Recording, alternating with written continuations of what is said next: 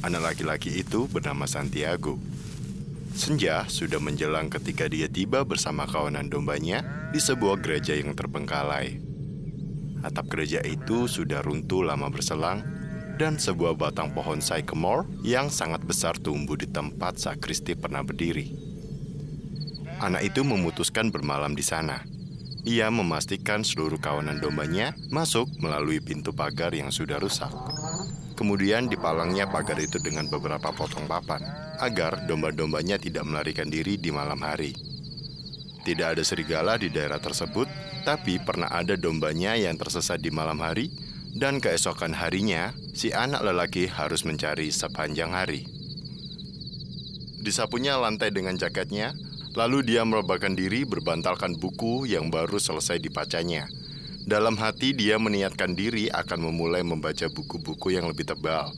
Buku-buku tebal habisnya lebih lama dan lebih enak dijadikan bantal.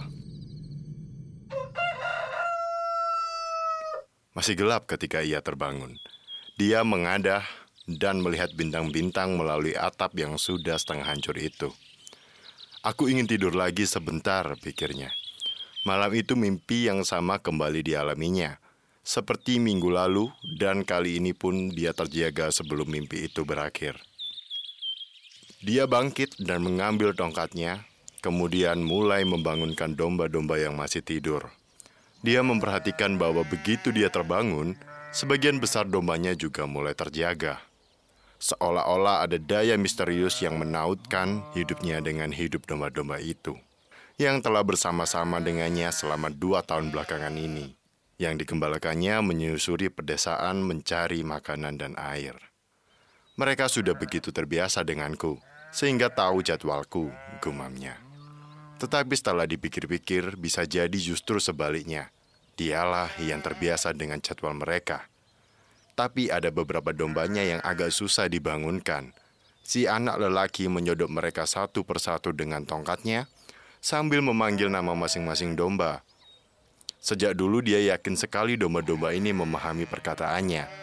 Jadi, ada kalanya dia membacakan pada mereka bagian-bagian buku-buku yang berkesan baginya. Atau diceritakannya pada mereka kesunyian serta kebahagiaan yang dialami penggembala di padang badang. Kadang-kadang dia juga berkomentar pada mereka mengenai hal-hal yang dilihatnya di desa-desa yang mereka lewati. Tetapi beberapa hari belakangan ini, hanya satu yang dia bicarakan pada domba-dombanya. Gadis itu. Putra soldagar yang tinggal di desa berjarak sekitar empat hari perjalanan dari sini. Dia baru satu kali datang ke desa itu tahun lalu. Saudagar itu pemilik toko kain dan dia selalu minta agar domba-dombanya dicukur di hadapannya, supaya ia tidak ditipu.